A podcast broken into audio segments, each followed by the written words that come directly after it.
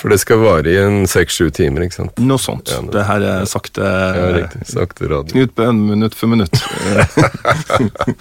Ja. Så det er bra.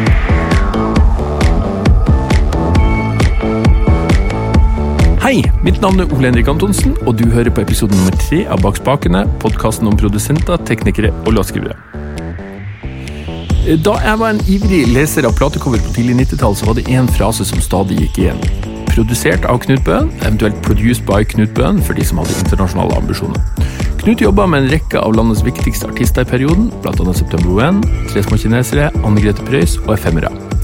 I ettertid så har jeg blitt kjent med Knut. Ikke veldig godt, men ja, vi kjenner hverandre. Vi er på hils. Og en felles bekjent sa en gang at Knut hadde vært assistenten til Nile Rogers, som jeg er bitte litt fan av, kan du si. Og da vi begynte å prate, så var det veldig mye å ta tak i. De ti årene for Knut dro i gang sin norske karriere tilbrakte han i New York, og ja, han ble til slutt Nile Rogers sin sjefstekniker. Du har mye godt i vente den neste timen, men først noen ord fra Bakspakene sin samarbeidspartner Benum.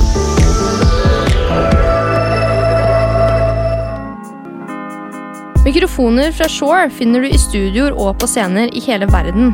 Men Shore er mye mer enn SM57 og SM58. Headset og ørepropper, ribbon og kondensatormikrofoner, in-air og trådløst. Se hele utvalget fra Shore og få de beste prisene på benum.no skråstrekk bak spakene.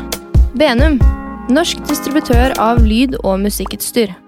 Ok, men da prøver vi igjen starten. Hei, Knut. Hei, Ole Henrik. Veldig hyggelig at du kunne komme hit. for og det. i denne podkasten som skal hete Bak spakene, så er jo du en av de få jeg skal snakke i hvert fall med i første runde nå, som virkelig har sittet bak spakene. Jeg er veldig fornøyd med at jeg har faktisk redigert totomsteip. Altså. Det syns jeg er litt gøy, for det, dette har vært med liksom fra helt Det er jo før steinalderen. Det var jo velsigna enkelt. Altså, det er jo du, du skal klippe et eh, take, ikke sant? Et bandtake, så er det jo bare å så du setter basstromma i solo og ferdig med det. Men du blir jo litt nervøs av den Er dette egentlig et nytt barberblad? Det er ingen undo. Nei, det er veldig dumt å få traser i teipen. Eller ja, ja, kanskje det hadde vært veldig Kunne vært musikalsk veldig fint. Litt kunst. Ja. Kanskje. Du, vi, vi snakka så vidt her først uh, om hva som fikk deg til å ville bli musikkprodusent. Ja, jeg var nok eh, platenerd, og enda mer eh, konkret platecovernerd, tror jeg. Jeg var veldig opptatt av musikken, da, men var jo, det var jo den tida hvor du samla plater, ikke sant, og det å ta med, komme hjem med skiva og lese coveret. Så jeg har for så vidt alltid lagt merke til sånne ting, hvem, hvem spilte og bla, bla, bla. Jeg tenkte aldri så veldig mye over den produsentrollen, tror jeg. Jeg kjente jo til altså George Martin, sånne navn, ikke sant, men var veldig lite obs på ja, at Alan Parsons var koprodusent på Dark Side of the Moon, det tror jeg ikke jeg visste før jeg fylte 40, kanskje. Jeg kjente jo for så vidt til Brian Eno gjennom Bowie-skiver. Var veldig opptatt av Bowie-skiver i 70-åra. Og så en dag så var det en annonse i et eller annet Puls eller en eller annen avis, og sto det at det kom ny Talking Head-skive, og der sto det produsert av Brian Eno. Og sånn, oi, ok. Ja, så det, det var da nok til at eh, da, da slår det nerdegreiene inn, ikke sant. Og så Brian Eno, ok, jeg går og kjøper den plata. Og det var Remain in Light i da slutten av 80 eller begynnelsen av 81. Og da var det sånn hmm, Ingen har sagt 1, 2, 3, 4, og så kommer denne plata ut i andre enden. Her er det noen som har tenkt, og det er da antageligvis Brian Eno. Og da skjønte jeg at jeg ville bli plateprodusent. Da registrerte jeg kanskje for første gang hva produsenten kan gjøre, da. Helt sånn egentlig enkeltstående foranledning til det å ville bli produsent, var den skiva. Hvor gammel var du når du hørte den? Da var jeg 19. Jeg var jo da ferdig med videregående, ikke sant? så var jeg litt sånn usikker på hva jeg skulle gjøre, fordi da hadde jo egentlig dette musikkgreiene tatt fyr i meg, men jeg begynte nå på universitetet litt sånn by default. Og så et års tid eller noe sånt, nå etter at den skiva kom ut, så hun jeg var sammen med på den tida, skulle til New York for å jobbe. Og parallelt så begynte jeg å se, legge merke til en annonse i Rolling Stone. Hvert nummer av Rolling Stone mot uh, slutten der, så sto det annonse for Institute of Audio Research i New York. Og det var litt sånn, ja, ok, nei, dette er bra. Jeg hadde prøvd å få jobber i studio i Oslo, var helt, det var så vidt jeg fikk komme inn av døra og spørre hva, eller, jeg husker, jeg, kanskje ikke jeg gjorde det en gang, jeg lurer på om jeg sendte brev antageligvis. Men endte opp med å skulle dra på denne um, og begynne på denne skolen, som var ettårig, og da tenkte man jo at det klarer sikkert å knytte noen kontakter i løpet av det året, og så se hva som skjer. Men så skjedde det egentlig ganske mye da i løpet av det året, for uh, den skolen var vel ikke akkurat Det var en grunn til at de folka som jobba der, var der og ikke satt i studio. Det gjorde det jo egentlig klart at det kanskje var i studio man heller ville være. Så jeg begynte rett og slett å gå rundt til studioer for å få jobb. Da, jeg husker Det første jeg gikk til, var Blank Tapes, for da hadde Talking Heads akkurat gjort Speaking in Tongues. Det er sånn, igjen da, dette nerdeinstinktet. Sånn, hvor, hvor er dette spilt inn? Blank Tapes, ok, 20. gate, ja, vi går dit. Og der var det ikke noe jobb å få, men det andre studioet jeg kom til, det fikk jeg faktisk jobb på, da. Og det heter Skyline, eller vil si det het Skyline. Og var et, et studio som var relativt mye brukt, men litt sånn hummer og kanari klient... Uh, hva heter det, kundeliste. Alt fra John Cale til uh, reklamesessions, liksom. Men det som var med Skyline, og som jeg skjønte Det var ikke sånn helt unikt for New York, for jeg vet at det var veldig mange av de store studioene som hadde en stab som Man var jo der av en grunn. Altså det, mm. jeg fikk den jobben, jeg fikk fem dollar om dagen for å jobbe der. Og da er det klart, da gjør du det for at du vil, ikke sant. Mm. Og da, hvis du vil det så mye, så da Det er jo grunnlaget for å møte folk du har noe til felles med. Både hva interesse og entusiasme og for så vidt også ambisjon angår. Mm. Jeg begynte der i desember 83 eh, og ble der eh, en god stund. Hva gjorde du? Da var det sånn T-boy eller tape-up? Ja, T-boy, Pissboy, yeah. Gopher, sa de i uh, New York. Um, ja, nei, jeg hadde jo egentlig aldri vært i et studio før, så det var veldig morsomt å få se hvordan dette funka i det hele tatt. Og det var travelt, for at det var I forhold til den kundelista, så var det jo sånn at det var Det kunne godt være tre sessions per dag eller per døgn. Så det man jo hovedsakelig gjorde som uh, gopher, eller som T-boy, da, eller uh, pissboy, det var jo at man uh, hjalp til på changeover mellom de ulike sessions. Jeg begynte i desember. Andre juledag så ble, fikk jeg beskjed om jeg skulle komme på jobb, for da skulle det starte innspilling av en skive. Jeg visste ikke engang hva det var, så jeg, jeg kom og låste opp og vaska toalettet og gjorde det klart. ikke sant? Og så ja. kommer han som er eh, studios, eller så annen tekniker, da, som er studiosmann, ikke sant. Og så spør jeg det at ja, hei, hva skjer i dag? Og nei, jeg skulle starte innspilling av et album. Å ja, ja, hva er det? Hvem? Nei, det var med Lou Reed. Uh, Knut gjør store øyne. Både da og nå. Og Lou Reed hadde jeg hatt bilde av på veggen siden jeg var 13. Og derfra gikk det bare oppover. Det, det var altså en helt ko-ko tid, eh, opplevelse. Ja. Etter at jeg hadde vært på Skyline i ca. halvannet år, så bestemte de seg for å satse i toppdivisjonen. Og kjøpe SSL. Dette er jo da i slutten av 84. Og det var jo på en måte De, de hadde en veldig bra Niv 80 8050, tror jeg den het. Veldig bra mikser. Men uh, det var liksom SSL som var Det var der man måtte legge lista, da. Mm.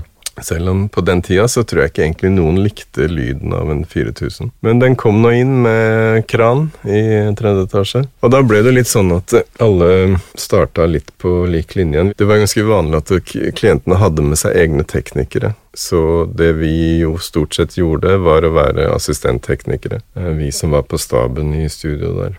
Og den satsinga som Skyline gjorde, den var veldig vellykka for uh, jeg tror nesten ikke rakk å åpne en gang med SSL-en, før plutselig så kom Nile Rogers uh, dundrende inn og booka 24 timer i døgnet fem dager i uka. Ja, hadde, Han hadde vært på Power Station i mange år, og så ble det, det ble for mye styr. altså for mye um, Power Station hadde jo flere rom, så det var veldig mye trafikk og litt mye sirkus mens de var der. Så han ville rett og slett til et sted som hadde bare ett rom hvor de hadde kontroll over hele altså alle fasilitetene til enhver tid, sånn i forhold til folk inn og ut og, og få samla seg litt. Så det skjedde, og det ble på en måte liksom min læreanstalt, da. Mm. Og det her er jo midt i hans kanskje største periode, altså det er jo. Bowie, Let's Dance, eh, Madonna, Duran Duran Altså når han var på den altså 80-tallsperiode, da. Mm. Det er jo hans største periode, ja, hvor både han og prosjektene ble så store at de, de, ble helt umulige. Det første han gjorde da han kom til Skyline, var Thompson Twins. Og det var uh, oppfølgeren til Into the Gap, altså en giga, giga, gigaceller, ikke sant. Og så er det jo da selvfølgelig en eller annen astronaut i et amerikansk plateselskap som sier at uh, dette blir enda større hvis vi, tar, hvis vi gjør det med Nile. Og det er jo sikkert godt tenkt, fordi dette er høydepunktet i megalomaniens tidsalder ikke sant, i musikkbransjen. I ettertid så må man nok si at det, det, gjorde prosjektene helt umulig. Han skulle følge opp Into the Gap med Thompson Twins, han skulle følge opp uh, Slave to the Rhythm med Grace Jones, han skulle følge opp Chinese Wall med Philip Bailey, osv., osv. Han skulle gjøre Al, Al Jarreau til en kjempesuperstjerne, enda større pga. at han hadde den derre moonlighting temalåta osv. Uh, han skulle følge opp Kina Isen etter 95. Altså sånn alt annet enn album som skulle være nummer én på hitlistene i månedsvis, var på en måte en skuffelse. Så det ble mange skuffelser? Det vet jeg ikke. Altså Det er samme som det går ikke an å planlegge en hit. Det har aldri, aldri skjedd. Men mange som har prøvd? Det er mange som har prøvd. Det du jo kan regne med, er at hvis du har et album som er en stor Eller da, hvis du hadde et album som var en stor suksess, så kunne du være rimelig trygg på at det neste også ville være en suksess. Men en suksess som kanskje, hvis du var litt heldig, selv var den sånn type 60-80% av den forrige suksessen. ikke sant? Mm. Ikke, det er ikke gitt at det skulle være 140% Nei. Så det Men der lå lista for Ja, jeg tror det må ha vært ja. utrolig slitsomt, altså. Og så er det jo selvfølgelig det, Arbeidsmoralen var jo mildt sagt på topp. Vi jobba jo Vi starta sånn 11-12-tida på det formiddagen, og jobba til sånn et eller annet sted mellom 11 om kvelden og 2 om natta. Og så var det jo også the heyday of uh, New York club scene, ikke sant, så vi gikk jo ut etter det. For meg som hadde ramla av båten fra midt i Nowheresville, så var det veldig morsomt alt. Men det var ikke meg presset var på, liksom. Hvordan var Nile Rogers? Superfyr. Sånn, I en sånn besittelse av en sånn entusiasme som er så smittende at uh, alt var gøy. Ikke noe var noe problem, og veldig sånn uh, ja, ikke resultatorientert, men interessert i å drive ting videre, da. Du tenkte på mye etterpå. Jeg husker ikke helt Jeg tror kanskje det er en sånn forståelse jeg har hatt intuitivt, men det er litt sånn at eh, det er ikke så veldig interessant om du kan gjøre noe bedre. Men du kan gjøre det annerledes, og så ser du hva som skjer. Men hvis du bare skal gjøre det bedre, så er det litt hemmende, tror jeg. Altså, ja. da, da, må du prøve å frigjøre deg, og så må du prøve å se om, se om det finnes en litt annen vei da, rundt det du eventuelt har eh, snubla i. Og det tenker jeg det var Nile veldig god til, egentlig. Altså drive en session. Holde det altså et fabelaktig arbeidsmiljø. Da. Skal det sies at det hjalp også veldig alle de folka som vi jobba med på det nivået der. Dette var jo superstjerner. Duran Duran var der, og, eller altså gjorde jo album med de og sånne greier. Og alle disse folka var veldig bra folk de virka så trygge i den posisjonen de var i. da, Så det var ingen som behøvde å vise seg overfor noen, og alle jobba og dro i samme retning. Veldig, veldig fin opplevelse, altså, mm. må jeg si.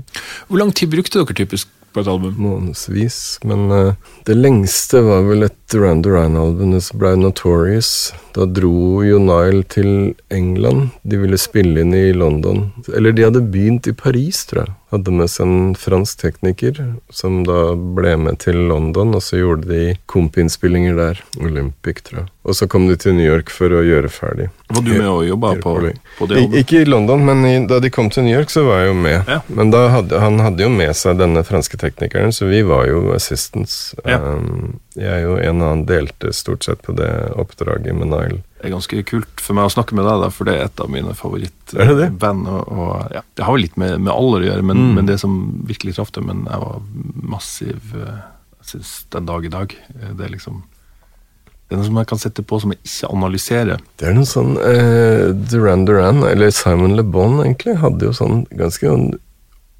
uvanlige og originale melodier bestandig. Veldig ra egentlig veldig rare. Rare melodier. Ja men veldig catchy allikevel. Ja, vel, ja, de var det. Det var veldig morsomt. Det var jo sånn uh, Igjen, da, han Tassen som datt av båten, som uh, ja. landa opp i dette uh, jetset-virksomheten som disse folka dreiv med. En kveld som Simon Le Bon hadde han litt vondt i tanna, så da ringte de og ordna tannlegetime i London dagen etter da, og billett på Concorden. ikke sant? Ja. så jeg blir borte ti timer eller noe. og får sett på mattanna. Det var ikke mye flyskam da?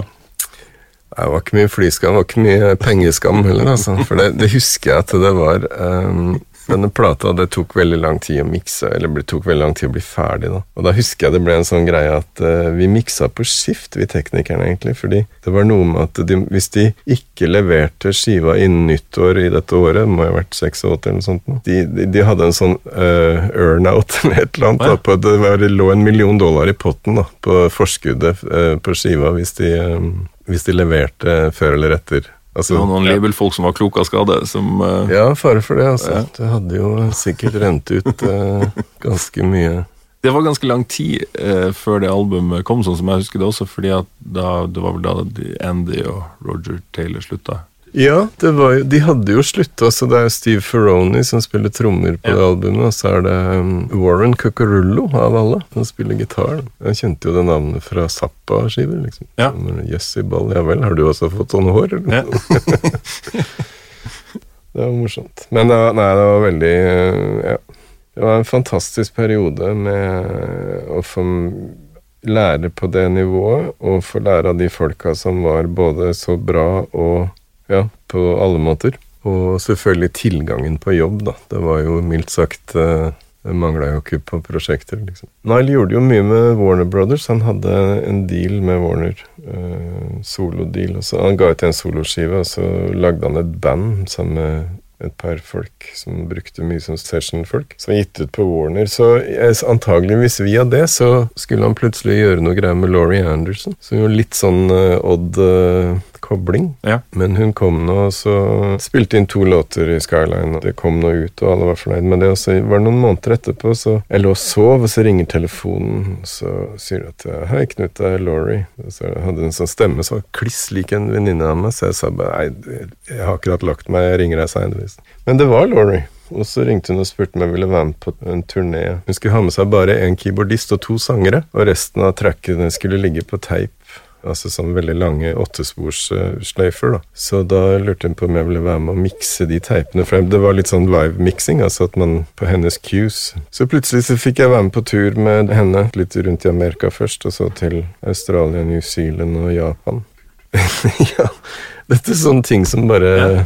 ja ok. Du så ikke den når du satt i Drøbak og Nei, jeg gjorde ikke det, altså. Rett og slett. En kveld vi, vi var i ferd med å avslutte et eller annet, husker ikke hva det var, og så spør jeg Nile hva vi skal gjøre i morgen. Og så sier han at øh, jo, det har jeg glemt å si, vi skal gjøre en låt for et soundtrack, og det er Brian Ferry som skal synge. Så, ok, Brian Ferry, ja vel. Det, det var den aller første helten, egentlig. Den første konserten jeg var på i Chateau Neuf, var Roxy Music etter Siren i 75. Og så sier jeg å ja, ja, ja, så sier Nile at ja, nei, han er her nå, han er ute i the front room. liksom. Og det store min. Så jeg gikk og hilste på han. Altså. Det var også sånn av disse New York-tidsopplevelsene som bare var uh, helt ko-ko. En annen gang så dro vi til Los Angeles fordi Eddie Murphy skulle synge på en eller annen låt som Nile holdt på med, til et annet soundtrack. Så vi dro ut dit og bodde på Westwood Marquee og kom i studio og liksom sånn Ja, dukker han opp? Og ja, han kommer sikkert. Jo, nei, ja, og så videre. Og så kom det plutselig så kom det sånn hele entourage. Det var 40 stykker som kom, så inni hele den gjengen så var Eddie Murphy der et eller annet sted. Altså. Så han sang og holdt på litt. Så var vi ferdig med det, og så dro vi hjem. Ja. Den tida. altså. Det tok liksom ikke slutt, bortsett fra det jeg skulle, egentlig skulle si, var at eh, etter hvert så ble det litt for mye samlebånd og litt for mye maskiner. Nile hadde et Synclavier som var, fikk veldig stor plass etter hvert, eh, programmering og sånt. Plutselig så var liksom ikke Steve Ferroni innom eh, lenger og spilte trommer. Savna stadig oftere da det løftet av å ha folk i studio. Så til slutt så sa jeg opp. Da hadde jeg vel vært Da hadde jeg blitt førsteteknikeren hans i mellomtida, da. Men øh, gjorde nok ikke det så veldig lenge før jeg sa at jeg er nødt til å dra gjennom, jeg gjør noe annet. Jeg må prøve meg som jeg kan få oppdrag som produsent og jobbe med band. For det disse maskinene de kan egentlig passe på seg sjøl. Dette er jo også første generasjon, ikke sant. Ja. Altså Det er jo helt sjukt mange egentlig ganske bra 80-tallsplater som er drept av Lindrums og førstegenerasjonsmaskineriet. Ja. Men samtidig så kan man jo også skjønne det, for det var virkelig noe nytt. Altså, Ja, det var som ja. når elgitaren kom. Du, Mm. Det er jo litt problemet i dag. Hva, hva skal du finne på som du ikke har hørt før? Mm. Så man kan jo forstå det. Du skjønner veldig, Det var veldig besnærende, og var jo fascinert av det, selvfølgelig. Men Mm. det var litt sånn Jeg spilte jo i noe band eh, også, uh, parallelt med dette her. Selv om jeg aldri ikke så veldig opptatt av å spille sjøl, kanskje. Hva spiller du? I det bandet spilte jeg keyboard, så jeg spiller vel egentlig kanskje mest gitar. Nei, det, jeg fikk nok mer smaken på det å spille i band på CBGBs enn å sitte i studio med et synklavier også. Det som var litt paradoksalt, da, at um, Jeg hadde ikke før sagt opp. Så kom B-52s Ja. og skulle gjøre en låt for uh, et soundtrack. Og det var Jeg rakk å være tekniker på den innspillinga av den, den låta, som var Cosmic Thing, som blei til uh, lead-off-sporet på den uh, Ja, hva heter albumet? Heter albumet Love Shack? Nei, det gjør ikke det. Nei, det heter Cosmic Thing, tror jeg kanskje. Det må vi slå opp. Men, men den med Love Shack eh, Ja. Mm. Og da, apropos Steve Ferroni, plutselig var han tilbake igjen. Liksom. Ja. Så det var veldig morsomt. Så var det, de var jo også helt uh, Sally Keith Strickland var jo en prins, liksom. Ja. Så det var veldig morsomt. Så da kjente jeg at det Da var jeg litt, nesten litt lei meg. At det, da hadde jeg på en måte trukket ut eh, pluggen. Men det var veldig gøy å få, få være med på det også. Altså. Bare for å bli ferdig med New York-greia, eller i hvert fall den delen av det, så da, da ble jeg jo frilans, da. Hadde ikke hatt så mye ferie, så jeg dro på en ferie på Cayman Islands en ukes tid. Og så kommer vi tilbake, og så sitter vi på kjøkkenet, kjæresten min og jeg, og så sier vi at eh, Sier jeg hm, hva skal jeg gjøre nå? Nei, ringe noen folk, da. Så skal jeg men ringe Russ Titleman, som jeg hadde hatt kontakt med på Skyline via Nile og sånt noe. Ja, nei, ja, det, det var en god plan, det gjør vi.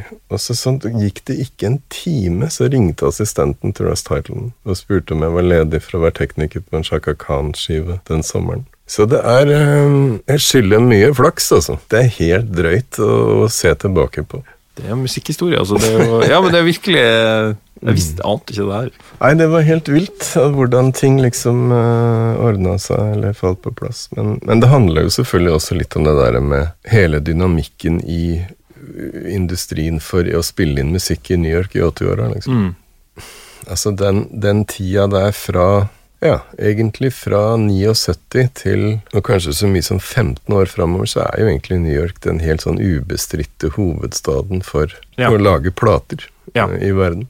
Absolutt. Og egentlig altså var det kanskje en periode det gikk litt bort, men også på tidlig 2000-tall var jo veldig hele den urban Ja, riktig. Ja, selvfølgelig. var veldig mye. Det jeg også fikk oppleve da med den i forbindelse med den Chaka Khan-skiva, var å spille, eller ta og være i studio med Miles Davis. Wow. Som eh, Ja, de ville at han skulle spille på et par låter. Vi spilte inn oppe i Connecticut, i et sånt eh, studio ute på landet, for å kanskje redusere litt sånn eh, bystimulanser for Chaka den sommeren. Og så, men vi dro ned til byen da, for, eh, og hadde booka Hit Factory eller noe i den duren, for eh, i det tilfellet at Miles faktisk skulle dukke opp. Og det gjorde han. Og han også var jo helt Han var helt konge, han òg. Men han også var liksom blid som en sol og, og Hva heter det Omgjengelig og imøtekommende og snakka om Norge og holdt på, liksom. Så det var Nei, det Jeg trodde kanskje han var litt vanskelig Eller eksentrisk. Ja, han var jo helt sikkert eksentrisk, og det,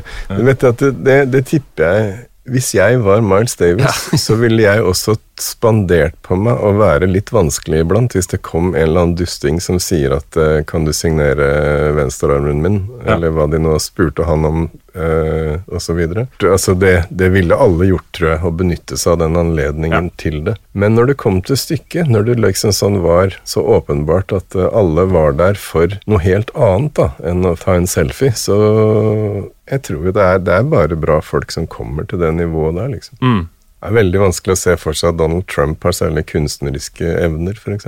Det er jeg enig i. Mm, ja. Jeg tror det er en sammenheng. Sikkert vært mye vanskelige folk òg, altså. Men øhm, det tror jeg de må tilgis. Men eh, hvilket, eh, hvilket år var det du slutta med Nile? Når var det over? Det må ha vært 87 Og Chaka Khan, da Ja, det, for det var Jeg lurer på om den Chaka Khan-skiva var sommeren 87. Ja. Jeg forsøkte jo å få produsentjobber og så videre. Det var ikke lett, altså. Eh, jeg fikk jo noen prosjekter. Jeg produserte et band oppe i Boston som via han som var manager, han, en som var manager for et band jeg spilte i i New York, som var manager også for dette bandet i Boston. Så jeg fikk jo prøvd meg litt, og så produserte jeg en sånn ny countryartist i New York. I miljøet, da, så venner i miljøet, liksom. Mm. Uh, spilte jo parallelt med at jeg har en sånn følelse at jeg kanskje er Jeg er i hvert fall blant de nordmenn som har spilt flest ganger på CBGBs, da. Nei, jeg spilte jo mye der. Etter at jeg hadde gjort det, så er jeg litt usikker på hva som skjedde, når og hvordan. Men i hvert fall eh, sannsynligvis i 88-89 der omkring, så plutselig så dukka Tom Sjeklesæter og Raymond Mosken og Gorm Gullo opp i New York. Og går med manager for Matchstick Sun, og så ble jeg kobla sammen med de. Så det var det første jeg produserte i Norge, var um, det. Og så hadde en prat med jeg tror mulig Eivind Rølles også, som var A&R på BMG. Mulig han også kom til New York uh, da, ellers så bare ble vi enige over telefonen. Så da dro jeg til Norge, eller det vil si vi dro til Silence i Sverige og spilte inn den første Matchstick Sun-skiva. Så det var jo det første Nei, det var det da det andre albumet egentlig jeg produserte liksom i sin helhet. Så sånn starta på en måte overgangen til uh, Norge, da. Hvordan var det å jobbe når du hadde vært vant til den internasjonale platebransjen på,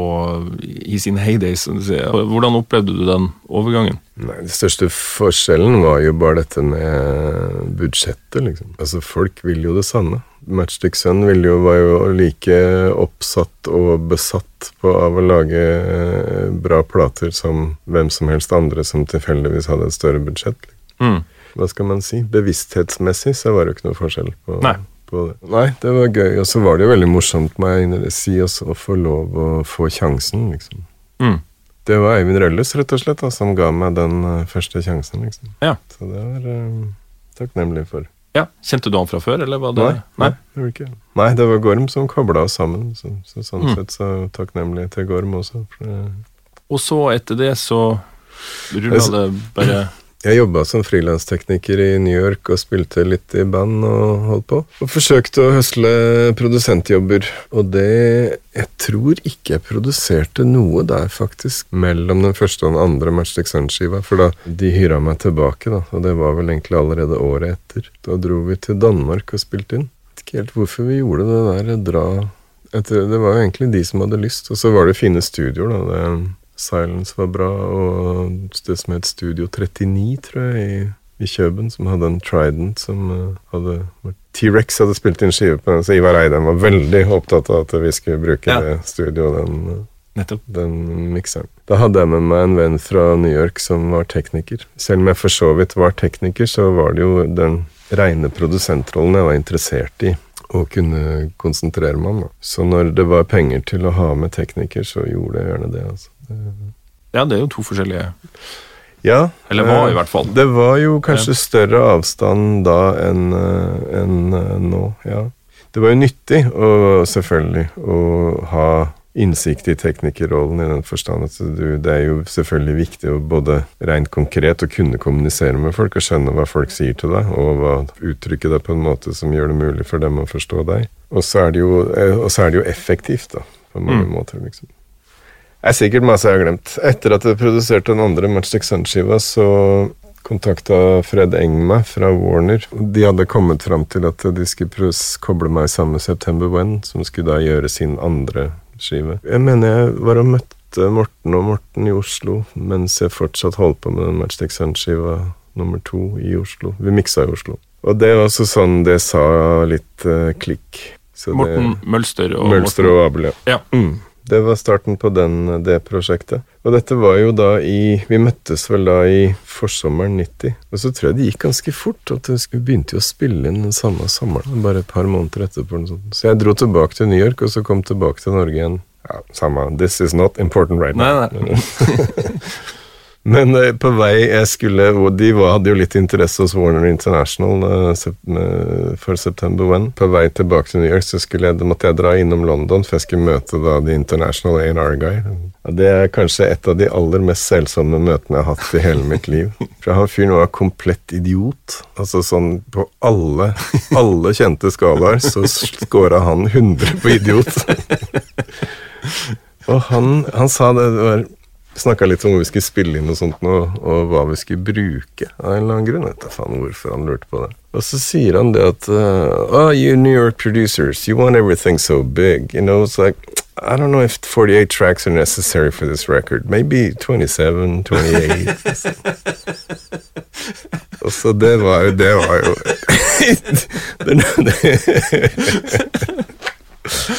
Jeg skjønner ikke at jeg ikke datt av stolen da sa det. Det er fantastisk. Ja, det er uh... Og fyren hadde jobb, liksom. Han ja. hadde betalt for å gå på dette kontoret og sitte der og si sånn. Kutte kostnader. Her må vi ned ja, 14-15 spor. må det var vakkert. Altså. Benum er norsk distributør av studio- og musikkutstyr fra bl.a. Shore, Universal Audio og Genelec. Bli pro-kunde og få muligheten til å handle med de beste prisene på bl.a. lydkort, mikrofoner og kabler fra noen av verdens mest anerkjente merkevarer. Se benum.no – bak spakene for mer informasjon. Benum norsk distributør av lyd- og musikkutstyr. Så dro jeg til Stavanger da, og spilte inn September 1, og det var um, en kanonopplevelse.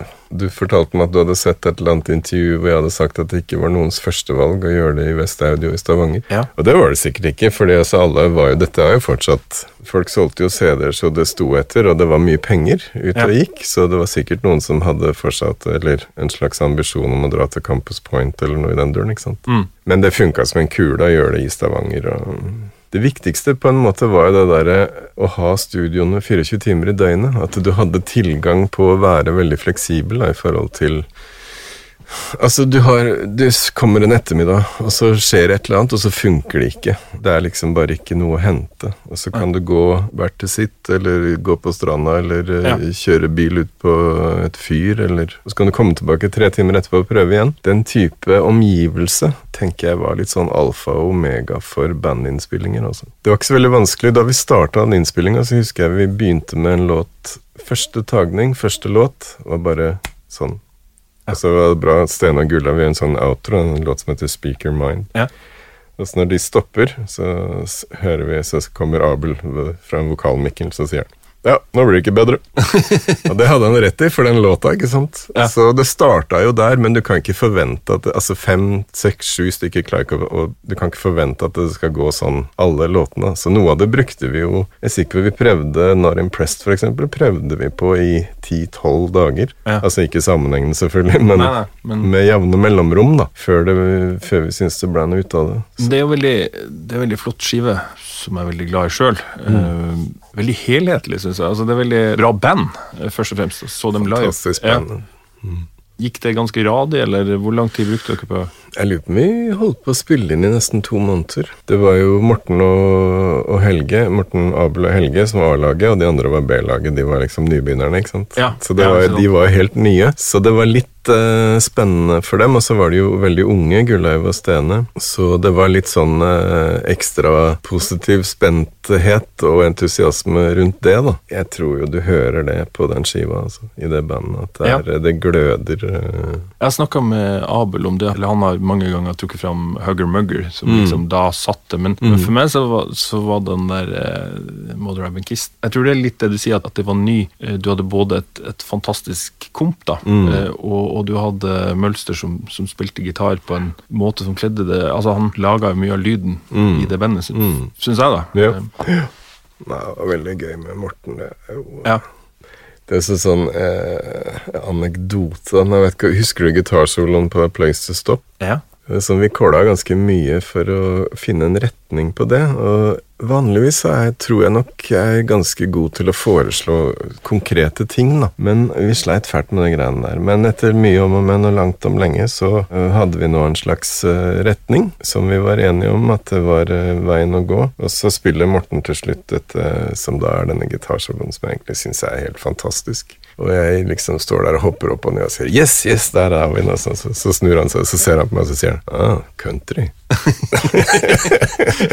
Men det oppsummerer jo på mange måter han hvor langt ute fra venstre univers han Ja. kom, ikke sant? ja ikke sant. Men det var utrolig morsomt hvordan han eh, både fant og fikk en plass både i bandet og på den skiva. da. Så det, gitar, det er noe sånn gitargreier han gjør på den låta som heter Pain. Ja, det er veldig tøft. Ja, jeg syns det er veldig tøft. Vi jobba veldig sammen på det der, og det var veldig vanskelig for han å spille, for jeg herja noe alvorlig med noen delay-bokser mens Ja. han holdt på. Så han ble sikkert ganske svimmel, men jeg syns det ble veldig kult. Altså, Ja. det, og han forsto jo hvordan å utnytte sånne situasjoner, altså musikalsk, da. Så det var eh, Nei, det var stas.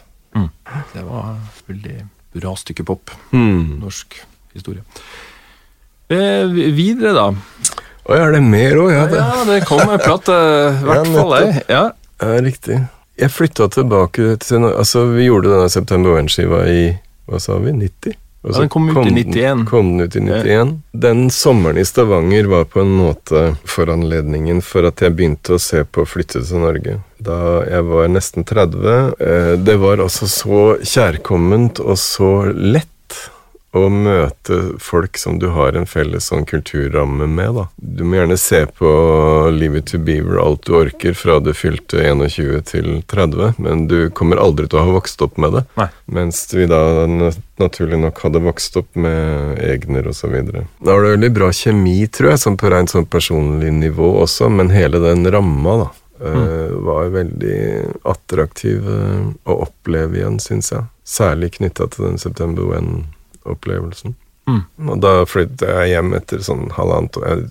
Vinteren 92 så flytta jeg til Norge igjen. Og da skulle jeg jo produsere, da, så da eh, Det første jeg gjorde, var eh, Jeg møtte Ulf Risnes og Øystein Hegge på Spellemannprisen. Så da ble vi enige om at jeg skulle produsere neste Tre små kinesere-skiva. Så gjorde nå det, og i den løpet av den prosessen så var det litt sånn musikalske stoler mellom Sony og EMI, altså A&R-avdelingene der. Så jeg fikk eh, tilbud om å jobbe på A&R på Sony. Ja. Så det hørtes jo fint ut. Jeg fikk en avtale hvor jeg kunne gjøre ting for andre da, i to måneder i året osv. Så, det var veldig fleksibelt og flott, og det var gøy. Flotte kollegaer og morsomt. Så i løpet av det så var jo Bendik var jo signa på, på Colombia og gjorde den um, Amuse Yourself-skiva i Oslo. Så han ville bare ha hjelp med en sånn slags vaktmester til vokalopptakene. Så jeg er vel kreditert som produserer vokalen, tror jeg, på, på den skiva. Så det var jo eh, Det neste jeg gjorde for Sony, tror jeg var ja, Det er jo ganske bra sprik, altså. For det er da Bendik Hofseth, og det neste var en, eh, en countryskive, egentlig. Med, eller en amerikanerskive med noe som het Peyton Place, som var Roy Lønnhøyden, Kristin Solli og Geir Sundstøl. Som egentlig Marius Lillien eh, var motor for å få satt sammen til et prosjekt, da. Så vi gjorde det, og så produserte jeg Lagde vi en sånn liten sublabel som vi kalte for 170. Så jeg produserte debutskiva til Kung Fu Girls også, så det er noe sånn strekke mellom disse greiene på Sony. Det var ganske morsomt. Men litt tilbake til det der hvorfor lager du en skive? Jo, fordi du har lyst til å lage den beste skiva du kan. Det er jo overskriften på alt. Det er en god uh, innfallsvinkel. ja, ja, det, ja. Altså, det er en fantastisk mulighet til å få sitte der og tukle med denne musikken og se om det kommer ut en plate i andre enden. ikke sant? Alle som får den muligheten, forstår det. Det er ingen som sier at nei, jeg lurer på om jeg må Ja, nei, jeg tror jeg må hjem og drikke et glass vann. liksom. Hvordan var studioene i Oslo på den tida, eller i Norge, når du var vant til New York? og Det var vel, kanskje med unntak av eh, Rosenborg i Oslo, så var vel miksepultene litt sånn eh, Det var mye eh, Harrison og MCI heller enn eh, Nivo og SSL. Men eh, innspillingsrommene var jo veldig bra, syns jeg. altså. På både sånn eh, akustisk og vibe-messig. Ja. Veldig fint å spille inn ute hos Kai Athletic, f.eks. Så det var ingenting å savne.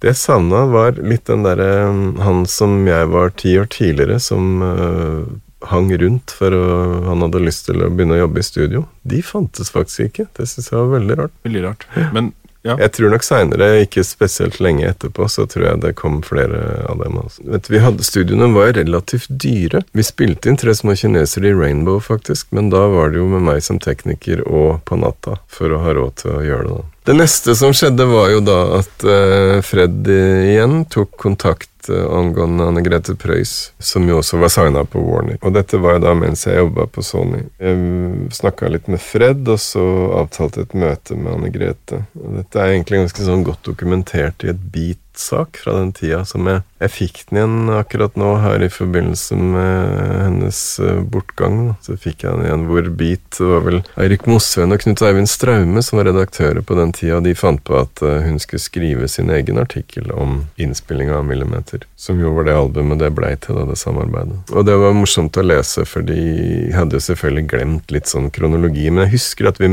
møttes på en eller annen kafé og spiste kaker og snakka om eh, en slags tilnærming, da, for å Hun hadde nok laget noe litt demoer. Dette var jo da A-dattene hadde begynt å dukke opp. Så jeg foreslo hun skulle skaffe seg en A-dat, og at vi skulle forsøke å lage ganske Vi hekta på Logic, og så at vi skulle lage veldig langt framskredne demoer. Så Ja. altså, det var på en måte preproduksjonen skulle bli til produksjonen. Og det var jo egentlig litt radikalt i 93, og så var det, tror jeg, Anne Grete Det trigga henne veldig, at hun fikk veldig lyst til den type tilnærming. Og så ser jeg det at hun skrev også i den artikkelen at jeg hadde sagt at overskriften var å lage en fin plate. Så det er litt sånn vi sa i stad, Ja. som du sier er en bra overskrift. Og det var så tydelig at hun sa ja, nei, det er et veldig bra ambisjonsnivå. For det første er det opplagt, det er ikke noe stress å definere hva ambisjonen er.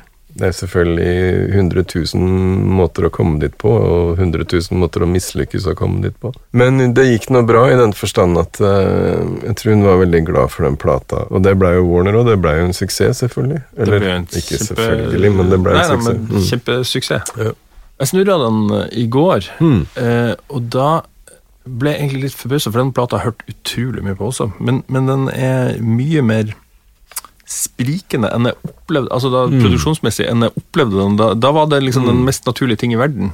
Det virker som dere har jobba over lang tid, eller?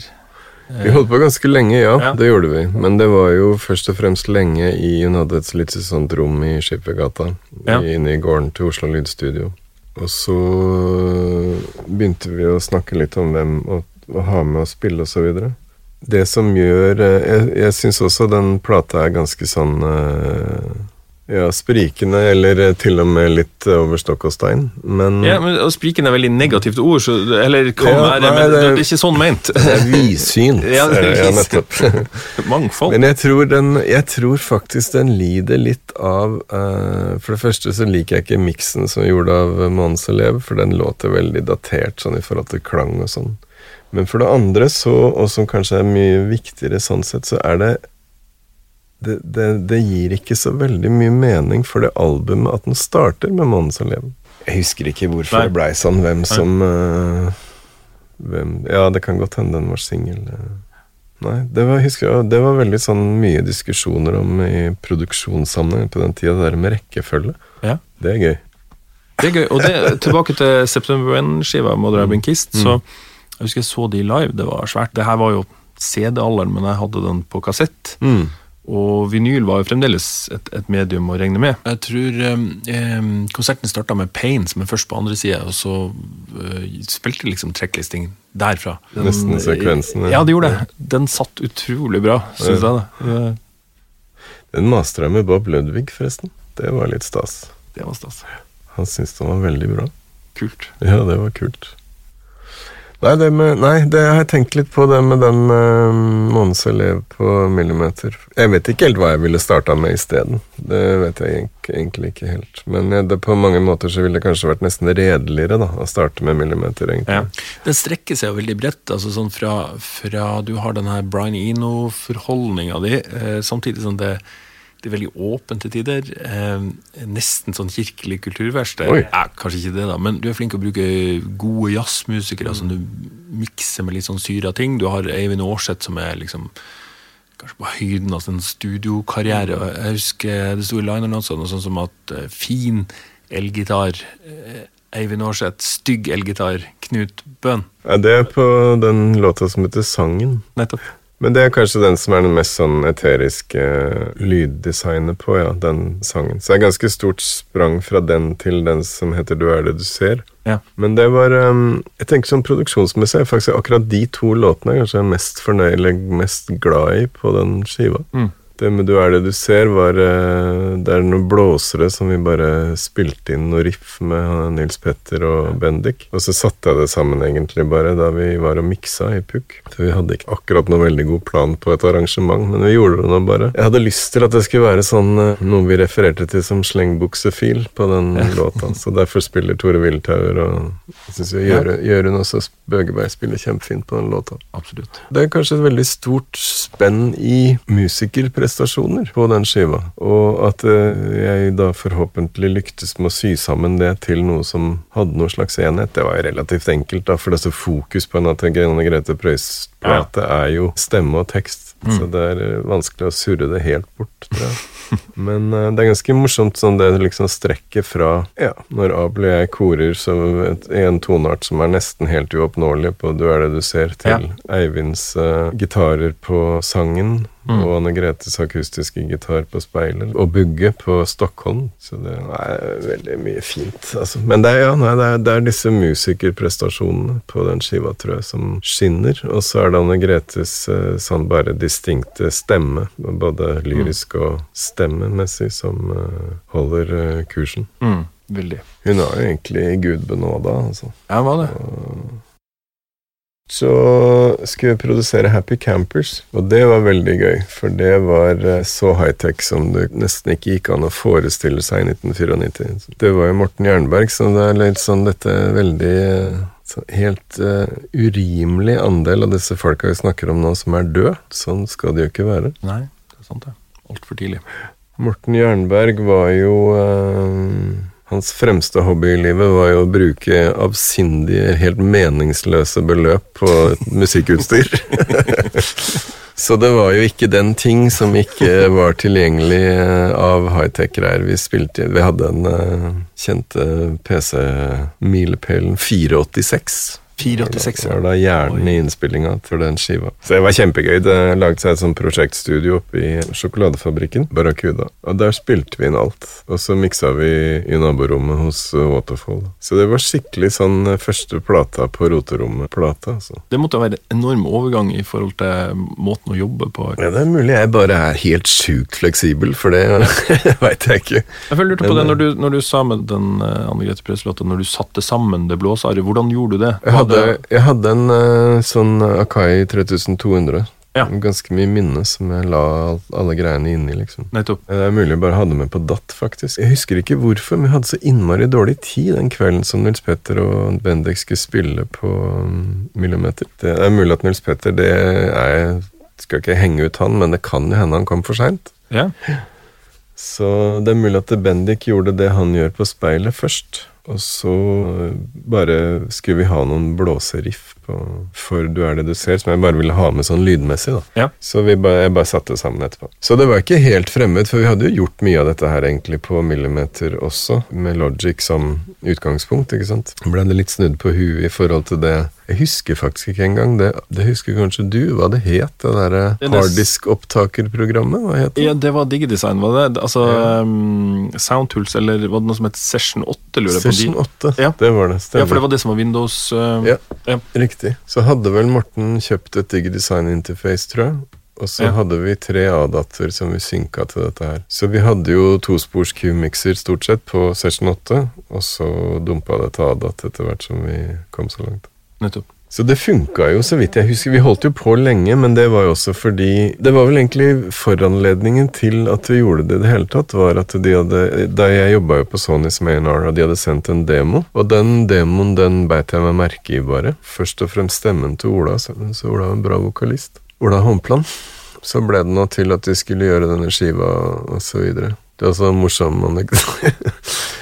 Ola, vet du, han er liksom eh, Han stiller seg ikke lengst fram i rampelyset sånn når det er, eh, er ikke så veldig glad i oppmerksomhet og har ikke så veldig sånn tro på å fremsnakke seg sjøl. Så en dag de hadde vært på øvelsen, så var manageren deres Han sa at eh, «Å, Kårsen hadde ringt og var litt interessert i greiene deres. Å, ja, hvem var det? Ja, Knut Bøhn eller noe sånt noe. Knut Bøhn? Nei, nå kødder du, vet du. Må jo ha vært Knut Bjørnsen.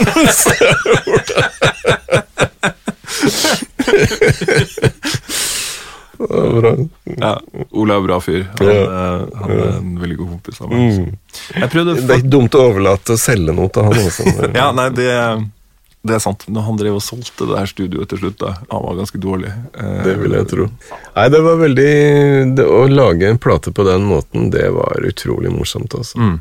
Fordi, så jeg tenkte på det, den forskjellen fra apropos å klippe i totomsteip, så Nile hadde jo en sånn uh, 24-spors Sony digitalmaskin som hadde autopunch, ikke sant? Og som jo er helt gapless da på digitalmaskinen, sånn at kunne du tenke det, så kunne du gjøre det. Og det var jo en sånn uh, Det ble en sånn greie. Kan du tenke det, så kan du gjøre det. Og det kom jo inn uh, i full effekt med harddisk-opptaker, ikke sant. Fantastisk verktøy, altså. Jeg skjønner godt at det um, ble populært. Ja, man kan forstå det. Men syns du det er rart? Ofte når jeg snakker med gamle teknikere som var med på det her, de er så ferdig med teip. Men, Mens den yngre garde, så er det jo veldig ofte sånn nostalgi. Ja, ja mm. det, det, limiteringen i formatet gjorde at uh, hva, hva tenker du om det? Det Nei, hva tenker jeg om det? Jeg tror ikke jeg har noe veldig bevisst tanke om det, liksom. Men sånn det 27 spor og Jeg syns det er en litt rar eh, sånn Jeg blir nok ikke mer entusiastisk av at verktøyene skulle på en måte inneholde noe slags begrensning, da. Nei. Det blir jo egentlig det motsatte. Det blir litt sånn Se her, da!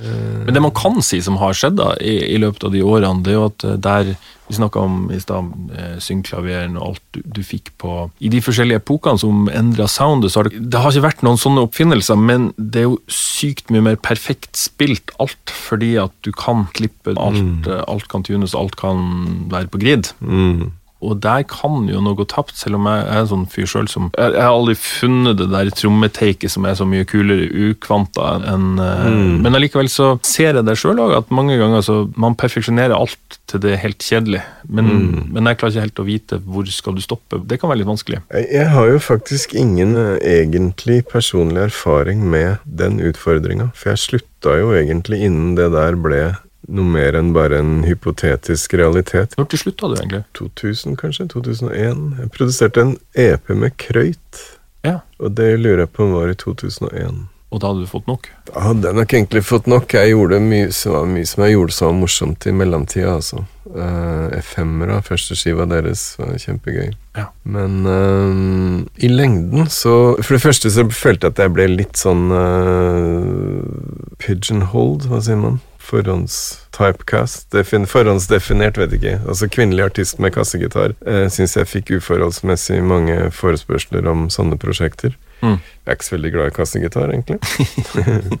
jeg syns det er gøy å spille kassegitar, men jeg syns ikke det må være med på alle låter på en skive. Og samtidig så skjedde også at jeg jo ble eldre enn de fleste som det var aktuelt å jobbe med, spesielt tidlig i sin karriere. da. Og det er egentlig helt fint, bortsett fra at litt tilbake til det der med den referanseramma som du har, som du opplever, som er umiddelbar og intuitiv, som da er utgangspunktet for kjemi, det man kaller tenker på som kjemi, ikke sant. Den referanseramma er jo egentlig da det fotavtrykket den får sette i en relasjon, da er mindre tydelig.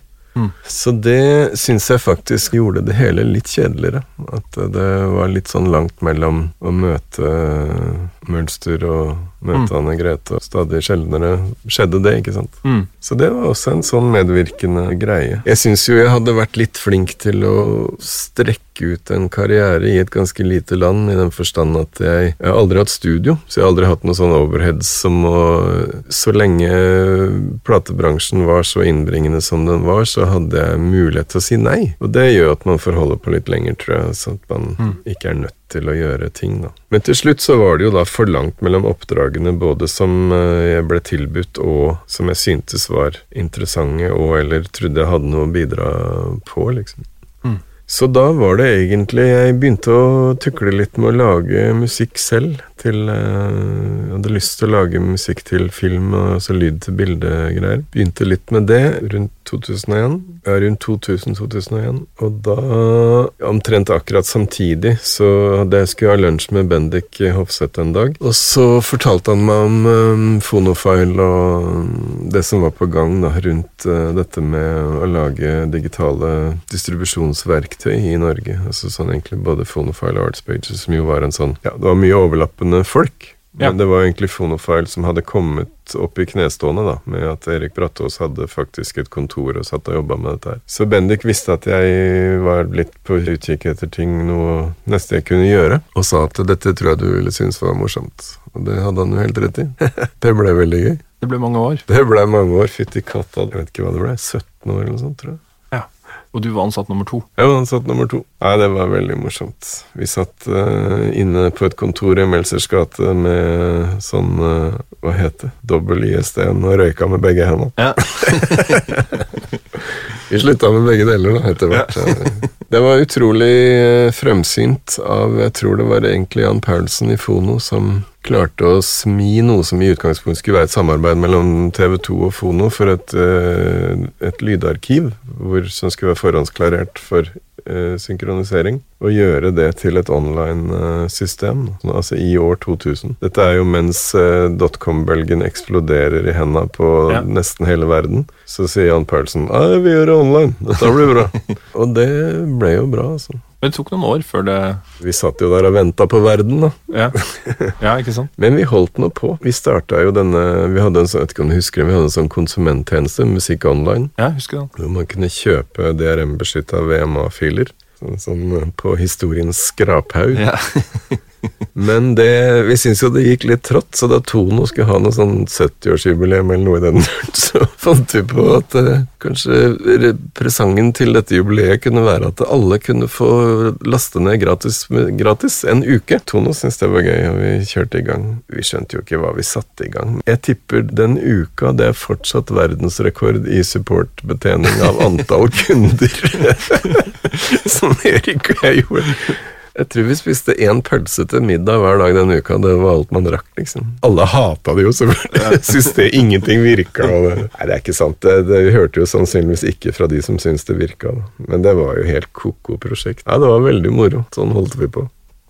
Og Trond Tornes som sa det egentlig mange år etterpå, så sa han det Vi var jo født i medvind, og det var vi jo. eh, Både sånn generelt med tida, men også eh, at vi Det er vel eh, mye takket være Bendik, tror jeg, og egentlig Nopa i den forstand at eh, vi fikk sånn Det var opplest og vedtatt at Fonofile var den eh, liksom, optimale blandingen av børs og katedral. Mm. Så vi hadde utrolig til godvilje som vi støtter på overalt, altså. I organisasjonene, men også i, hos myndighetene, for så vidt, selv om det egentlig ikke kom så veldig mye ut av det. Men det er jo en sånn um, symbiotisk effekt ut av det. at eh, når alle snakker pent om det, så må det jo være en grunn til at eh, Ja. alle snakker pent om det. Absolutt. Det blei jo et bra verktøy. Ja. Altså, jeg tror ideen var jo man lager et verktøy sånn at eh, alle de norske små plateselskapene skal slippe å sitte og finne opp hvert sitt lille hjul. Og i det perspektivet så var det jo veldig vellykka. Norsk musikk var jo pakka og klar til å sendes ut idet verden syntes at musikk i digitalformater var noe å bry seg om i det hele tatt. Det var nyttig og verdifullt og Men eh, nå var nok nok. Ja, du kjenner jo til historien med Ja. hvordan det gikk med Fonofile. Eh, Vi hadde jo også kommersiell eier som var utrolig tålmodig. Men det er klart at det gir ingen mening å være kommersiell eier og ha som eh, ambisjon å bare være tålmodig. Altså, De hadde jo selvfølgelig et mål om en exit. Så en dag så kom jo den exiten. Mm. Jeg syns nok at det ikke ble behandla spesielt godt av Fonofiles eh, administrative organer. Vi endte jo opp med en liksom-fusjon med et tysk selskap, men eh, de hadde jo kontrollen fullstendig. Så det mm, gikk på en måte som det måtte gå. Vi hadde jo visst det altså lenge. Det, det leddet i kjeden, det ville jo være helt eh, meningsløst om ikke det skulle konsolideres til noen få aktører, liksom. Mm. Men nå gikk det nok litt fortere enn det hadde vært nødvendig, tror jeg, gjennom de transaksjonene som ble gjennomført, hvor da Fonofile endte hos The Orchard. Men det sånn, gjort er gjort, og spist er Ja, spist. Kjøpt er kjøpt. Kjøpt er kjøpt, ja. Ja. Mm. Da slutta vi for altså, den, De funksjonene som jeg på en måte har hatt ansvaret for i Fonofile de siste sånn type sju åra, de var på en måte de letteste å absorbere for en annen aktør som allerede hadde et tilsvarende oppsett. da. Mm. Så det lå litt i korta at eh, det var ikke noe blivende sted for meg. Og så slutta vi jo for så vidt å lage ting i Oslo. Da forandra jo alt seg. Det var veldig, veldig gøy mens vi holdt på som en sånn eh, gründergærninggjeng. Og så fra det til å bli en slags lokalkontor av en amerikansk virksomhet er jo ganske stort sprang, liksom. Mm. Det var ikke veldig viktig for meg å få bli der. Hva tenker du framover, da? Nei, si det, du. Jeg så bilde av deg på Du var i studio med Geir Sundstøl. Ja. Geir Sundstøl og jeg, vi har vært, jeg har altså vært veldig dårlig til å holde kontakt med folk eh, som jeg har jobba med opp igjennom, egentlig. Men det er noen som jeg har uh, vært litt flinkere enn andre med. Geir Sundstøl, han er en av dem. Så i vår så dro jeg til han og spurte om vi skulle eh, se om vi kunne finne på, eller ha et samarbeid om å lage musikk for Jeg vet ikke egentlig hva man kaller det. Altså bestillingsmusikk, bruksmusikk. Musikk som skal være til noe annet enn seg selv, bare. da Til ly lyd og bilde. Ja. Podkastlydlegging. Ja, kanskje vi eh, trenger en ja, ja, nettopp. Lydprofiler, eh, hva det nå er, ikke sant. Så vi har eh, rett og slett uh, funnet ut at eh, jo, det skal vi prøve. Vi er jo nesten like dårlige som Ola Håmpland til å selge selge oss. Men vi har nå henvendt oss litt ut i verden nå. Ja. Eller i verden. Ut i ut i markedet, som de sier. Ute i markedet. Så vi får nå se om det er noen som eh, biter på. Så det er rett- rett og slett eh, den eneste sånn distinkte planen jeg har. Det var jo på en måte der jeg slutta før Fonofile, dette med å så Hva skal man si? Lyddesign basert på musikalske elementer. Og det syns jeg er veldig besnærende og fascinerende, egentlig. Det er jo litt som å få lov til å leke komponist, faktisk. At det, Ja. er, det er jo musikk. Kanskje det å være komponist. Ja, nei, det tiltaler meg veldig. Altså, ikke sant, I popmusikk så er det jo ting er jo ekstremt formatert, og er jo blitt i enda større grad formatert gjennom streamingregimet, altså folks lyttevaner og sånt. Mens i eh, denne andre verdena så kan jeg si pling og pling med et eller annet instrument, og så kan de være de to lydeventene kan være De kan være så langt fra hverandre, eller de kan være så langt fra hverandre, eller de kan være samtidig, eller de kan være altså manipuleres til å være i harmoni med hverandre, disharmoni. Og uansett hva det er jeg får de til å være, så er det på en måte det ferdige stykket, da. Og det, det er veldig tiltalende. Til gamle dager så tenkte jeg at eh, jeg kan jo alltid skrive en låt, og så viser det seg at nei, jeg kan ikke alltid det, for jeg blir eh, jeg blir så lei av den låta innen den har vart i 13 sekunder. Jeg har ikke sånn type musikk inni meg. Men dette andre greiene, da kjenner jeg at det er faktisk musikk jeg har inni meg som jeg har lyst til å gjøre noe med. Mm. Der man i gamle dager sa 'få ned på papiret', så er det sånn ja, nei, få ned på en DAW. Hva sier man? Sier man da? Nei, man gjør ikke det. Jo, det er, England Jeg, jeg sier DAV. DAV ja. Eller Ja. Protuls, egentlig. Det er stort sett si, da. Men, men, Jeg bruker DAV. for- DAW, det er som Levis. Altså, det, Ja, riktig, selvfølgelig. Ja, det skal jeg begynne med. Ja, ja. Bare for å nøste opp tråden helt fra starten. Du snakka om du var platecover-nerd, mm. og du har jobba i tech. Altså, hvordan skal vi få fiksa det? det? Eller kan det fikses? Ja, det er helt krise, syns Ja. jeg, da. At det er borte. Fordi det er jo et sånt Det fellesskapet av Ja. folk som du på en måte klarer å både faktisk tre inn i. Fordi du, altså det er navn du forholder deg til, osv. Ja.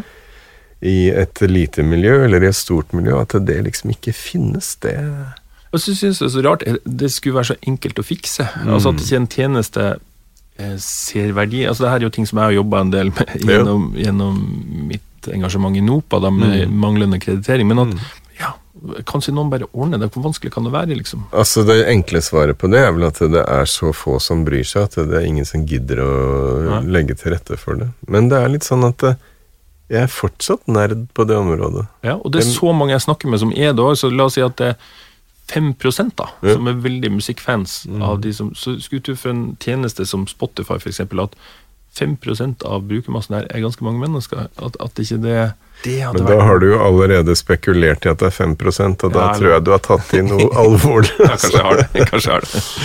Men det er litt sånn, jeg møtte eh, Fay Wildhagen nylig, så jeg har hørt uh, bitte lite grann på henne, men ikke mye, så jeg skulle ville høre litt mer. Og da for meg som da refleksen, da, den er litt da å orientere meg i forhold til hvem er det hun spiller sammen med også, ikke sant? Og det, at ikke det er umiddelbart tilgjengelig, det det synes jeg er eh, trist, faktisk. Det er bare sånn som jeg skulle snakke med deg i dag, så er det jo Jeg har jo lest alle de platecoverne som du Mm. eh, Altså de norske produksjonene, i hvert fall, som, var, som var stor. Eh, og det er veldig vanskelig å finne. Altså sånn, det, Mm. det der jeg vet jeg har lest med Eivind Aarseth, fin gitar, eh, Ja, eh, Altså sånn Mm. Hvor Nei, det, det fins ikke. Ja, så informasjonen finnes jo selvfølgelig. Så det er litt rart at uh, Du får ja. lage en ny tjeneste. Eh, nerd. eh, Nerd, ja, riktig. Nerd.com. Ja. er kanskje tatt. Musikk, cover, Nei, jeg tenker det er bare sånn um, Hvis det ikke var for uh, platecoverne, så hvordan i all verden veit du Men det er jo selvfølgelig noen spor og noen veier Det- som du det- kan forfølge, som er veldig interessante. Men jeg har nok et inntrykk av at vår samtid som fyker forbi nå, så er de som er interessert, de finner ut av det, for det er mye sosiale medier, du får en helt annen innsikt sånn. Men samtidig så det er jo gone om fem år, når, eller den feeden er jo langt bak, så, så, så noen må fikse det. Det er noe utrolig rart med det med tilegnelsen. For sånn, jeg leser bare på Kindle. Og det en sånn utrolig merkelig ting som oppstått med det, er at jeg vet jo alltid hvilken forfatter jeg leser, men jeg glemmer så ofte hvilken bok Ja. jeg holder på med. Ja, så gå og se på forsida. Hva er det for slags?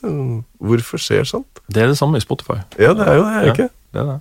Veldig rart, altså. Vi blir dummere. Ja, det har jeg jo på en måte eh, innfunnet meg med, altså. Menneskeheten går. Jeg merker det å begynne å bruke logic igjen, så er det sånn åh, nå er du ganske dum, gitt. Ja, skal vi si at det var bra for i dag, eller Ja. er det noe mer du ønsker å legge til? Nei, det tror jeg ikke. Have a good time all the time. Det er bra. Siste ord. Tusen takk, Knut. Takk skal du ha.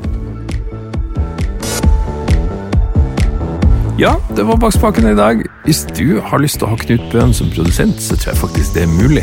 Ta ringene, du vet aldri.